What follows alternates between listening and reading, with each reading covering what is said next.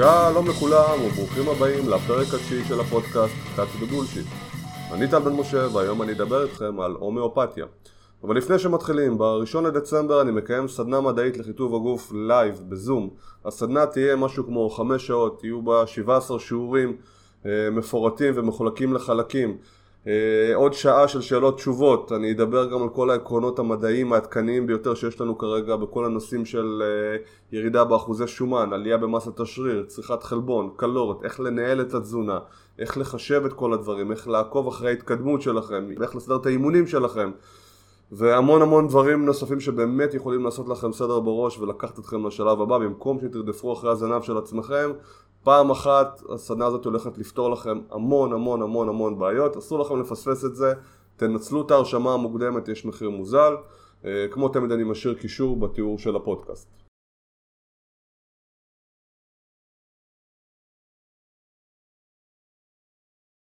בפרק הראשון של הפודקאסט ציינתי שחלק מהמטרות שלי אה, הן להנגיש תוכן מבוסס מדע ולהסביר גם על פרקטיקות טיפול נפוצות ובעייתיות שאולי בחלק מהזמן אפילו נמצאות בסוג של מיינסטרים אה, מסוים ויש לגביהן חוסר הבנה רציני לפחות כמו שאני רואה את זה.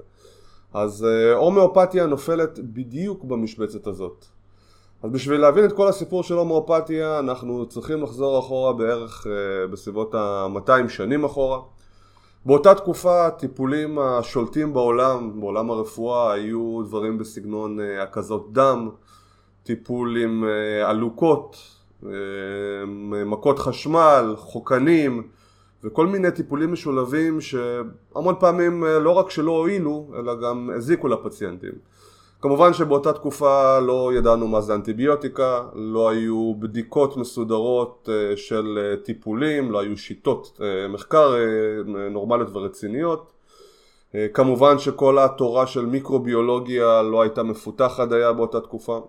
וכתוצאה מכך נוצר ככה איזה סוג של פתח להמון אנשים ולהמון רופאים להיכנס ולנסות לחפש טיפולים שיהיו ככה יותר מבוססים ויותר טובים בשביל אה, לשפר את התוצאות של הפציינטים שזה כמובן דבר אה, מאוד מבורך אבל גם יצר המון בעיות אחרות כמו שאנחנו נראה בהמשך. באותה תקופה חי לו רופא גרמני בשם סמואל הנמן שממש לא היה מבסוט מאותם טיפולים של אותה תקופה כמו שציינתי נוטים לתת המון טיפולים אה, גם יחד ואנמן דגל בגישה אחרת שבה צריך להשתמש רק בטיפול אחד אה, שיהיה יעיל, או בחומר אחד שיהיה יעיל והחומר הזה כמובן אמור לעזור ולפתור את הבעיות. ובאמת אחרי כמה שנים הייתה לאנמן איזה סוג של תגלית שהובילה כנראה לפיתוח של כל התורה ההומאופתית.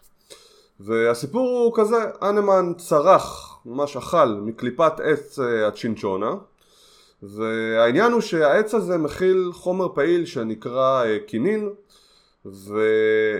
וצריכה של קליפת העץ הוצאה לצורך טיפול במחלת המלריה ובאמת זה היה גם איזה סוג של טיפול שהוא יעיל ומה מסתבר? מסתבר שאנמן צרך לא מעט מאותה קליפה של עץ בכדי לבדוק באמת מה קורה לו, היו שם איזה סוג של uh, טיעונים לגבי זה שהאכילה של הקליפה מובילה לחיזוק של הקיבה או של מערכת העיכול וכנראה שהוא צרך ככה כמות מאוד מופרזת מה שהוביל לתסמינים שהיו די דומים לתסמינים של אה, מלריה כמו חום, צמרמורות, כאבי פרקים.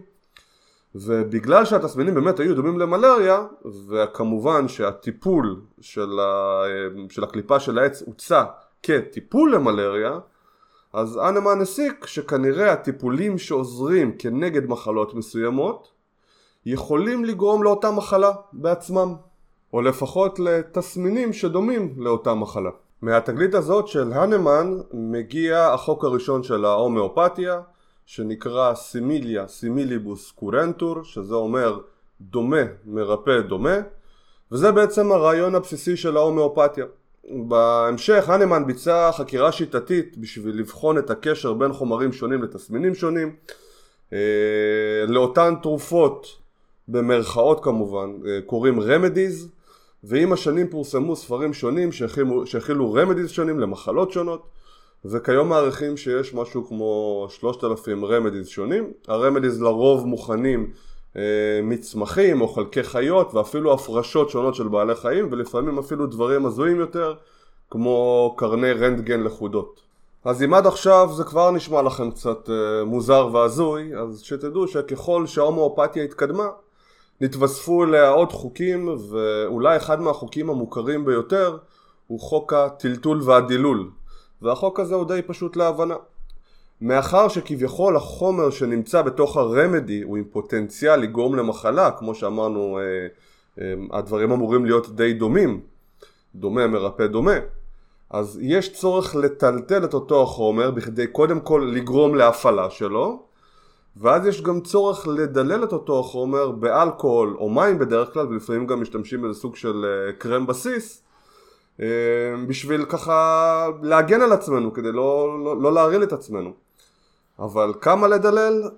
כמה שיותר, כנראה יותר טוב, לפחות לפי ההומואפטים, ובשביל להבין את כל הנושא הזה של הדילול, אנחנו צריכים להכיר את הטבלאות דילול ההומואפטיות, ובדרך כלל מי שככה ימצא תכשיר הומואפטי ויקרא את רשימת הרכיבים של אותה רמדי, אה, אה, יוכל לשים לב לציון של אותיות כמו X, C ו-D, אלה אותיות שבדרך כלל משתמשים בהן, והאותיות האלה מסמלות את רמת הדילול שאותו עבר החומר. ככה, אה, האות C מייצגת דילול של 1 ל-100, אה, האותיות X ו-D בדרך כלל מייצגות דילול של 1 ל-10. אז מה זה אומר? זה אומר שכל מספר שמופיע לפני האות, לדוגמה אם ניקח 6C, אה, זה מייצג את כמות הפעמים שהחומר דולל. בואו ניקח ככה כמה דוגמאות. למשל, אם מופיע ליד הרכיב 1x או 1d, זה אומר שהחומר המקורי דולל לרמה של 1 ל-10. זאת אומרת שעל כל יחידה מהחומר המקורי יש 10 יחידות של מים או אלכוהול. אם למשל החומר דולל ל-6C כמו שאמרתי קודם, אז במקרה הזה לקחנו חומר ודיללנו אותו במאה ואז מה שהתקבל דולל שוב פעם במאה ושוב פעם ושוב פעם ושוב פעם ושוב פעם ככה אנחנו עושים אה, שש פעמים מה שזה אומר זה אומר שבסופו של יום שעל כל יחידת בסיס שבה דולל החומר המקורי יש 0.00000000001 יחידות של אותו חומר פעיל, אם לא טעיתי באפסים. דילול למשל של 12C יבטיח לנו כ-60% סיכוי, שימו לב, למצוא מולקולה אחת בלבד של חומר המוצא, בהנחה שהשתמשנו במול אחד, זה, מידת, אה, זה יחידת מידה, מאותו חומר מוצא, ולאחר מכן התחלנו תהליך הדילול. הנמן הציע דילול של 30C, אוקיי? בואו ניתן ככה עוד איזושהי דוגמה, אה, יש איזשהו טיפול הומאופתי שמפיצים אותו די הרבה שנקרא אוסילו והתרופה הזאת היא עשויה מכבד ברווז, אה, משהו באמת די הזוי ורמת הדילול שלה היא 200C, אוקיי? רק שתבינו על מה אני מדבר איתכם, אין שם כלום בטיפול הזה, אתם יכולים למצוא את זה בבית המרקחת הקרוב לביתכם, ישמחו למכור לכם את זה אגב. אמ, אחד ממבקרי ההומואפתיה טען פעם שדילול של 12C שווה בערך לקורט מלח באוקיינוס האטלנטי. אנחנו, אה, כשאנחנו מסתלבטים על הסיפור הזה, נוטים לבוא ולהגיד שהומואפתיה זה כמו שניקח כדור אקמול, נזרוק אותו לכנרת, ואז ניקח כוס מים מהכנרת ונשתה, ונגיד שזה פותר אה, כאב ראש. בקיצור, תכשירים הומאופטיים מדוללים ברמה פסיכית כל כך עד שלא סביר בכלל למצוא בהם אה, מולקולות מהחומר המקורי אבל uh, כמובן שזה לא יעצור הומאופטים שלרוב משתמשים בביטויים חסרי פשר וקשר כמו המים זוכרים כאילו הם זוכרים את מה שהיה בהם לפני מה שכמובן לא נכון, לא מבוסס ולא מדעי. אחרי שהבנו שהיסוד של הומואפתיה רעוע ביותר על פי כל קנה מידה מדעי שאנחנו מכירים היום ושהתורה לא עולה בקנה אחד עם כל הידע שלנו ברפואה, ביולוגיה, פיזיקה וכימיה אנחנו צריכים לשאול מה העבודות המחקריות הרציניות בתחום אה, מראות וכאן אנחנו נכנסים לעולם שהוא קצת יותר מורכב ואני אנסה לתמצת אותו אה, בקצרה כדי לא, לא להוסיף אה, מידע מכביד. בזמנו סקרתי חלק גדול מהספרות אה, על הומאופתיה, בעיקר את הסקירות והאנליזות הגדולות ובאמת בשנת 1997 פורסמה סגירה, סקירה גדולה בז'ורנל לנסט שנחשב לז'ורנל מאוד איכותי ויוקרתי והסקירה סיכמה את הנושא בכך שייתכן ויש להומאופתיה אפקט מעבר לפלצבו בלבד אבל אין ראיות לאינדיקציות נוספות. בערך לאחר שנתיים פורסמה סקירה חדשה מאותם חוקרים והפעם החוקרים ציינו משהו אחר, הם ציינו שהסקירה המקורית הייתה מוטה בגלל איכות מחקרים נמוכה ועכשיו כשהם מסתכלים על איכות המחקרים אז איכות המחקרים באמת הטובה יותר מראה שאין תוצאות חיוביות ממש להומאופתיה.